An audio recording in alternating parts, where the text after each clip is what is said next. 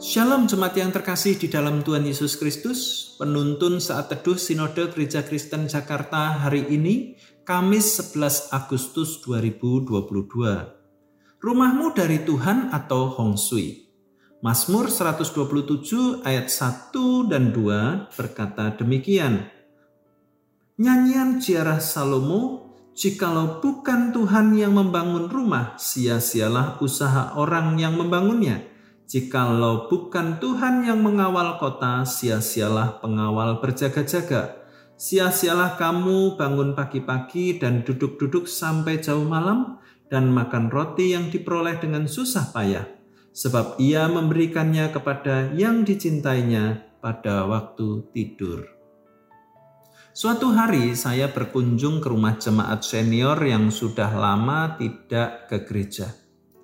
Begitu sampai di rumahnya, saya sangat kaget karena arah pintu rumahnya sudah berubah.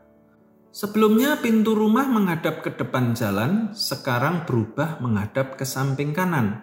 Ketika saya tanyakan alasannya, mereka dengan malu-malu menjawabnya, katanya menurut ahli Hong Sui, pintu mengarah ke depan akan membawa malapetaka bagi keluarganya.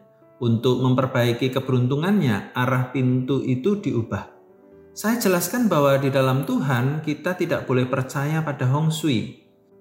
Konsep tentang Hong Sui masih kental dan sangat mempengaruhi kehidupan masyarakat Tionghoa di Singkawang.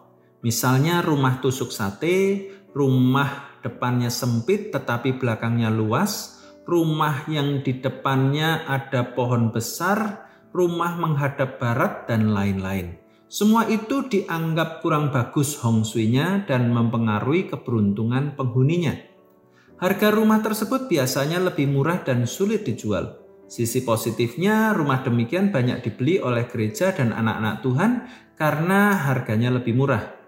Dalam Mazmur 127 ayat 1 dan 2 dikatakan, "Jikalau bukan Tuhan yang membangun rumah, sia-sialah usaha orang yang membangunnya." Jikalau bukan Tuhan yang mengawal kota, sia-sialah pengawal berjaga-jaga. Sia-sialah kamu bangun pagi-pagi dan duduk-duduk sampai jauh malam dan makan roti yang diperoleh dengan susah payah, sebab ia memberikannya kepada yang dicintainya pada waktu tidur.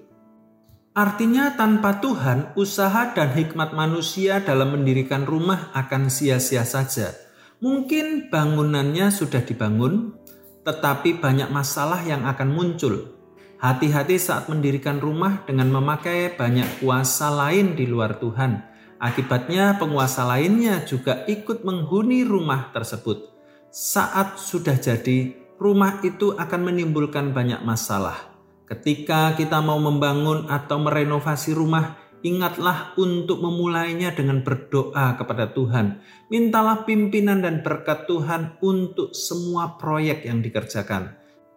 Libatkan dan andalkan Tuhan dalam setiap perencanaanmu. Tuhan akan memberkati anak-anaknya yang percaya bahwa rumah, toko, tempat usaha kita selalu didoakan dan diserahkan pada Tuhan. Segala berkat dan kebaikan hanya datang dari Tuhan, bukan dari Hong Sui. Mulailah setiap proyekmu bersama Tuhan, bukan mengandalkan Hong Sui. Selamat beraktivitas, Tuhan Yesus memberkati.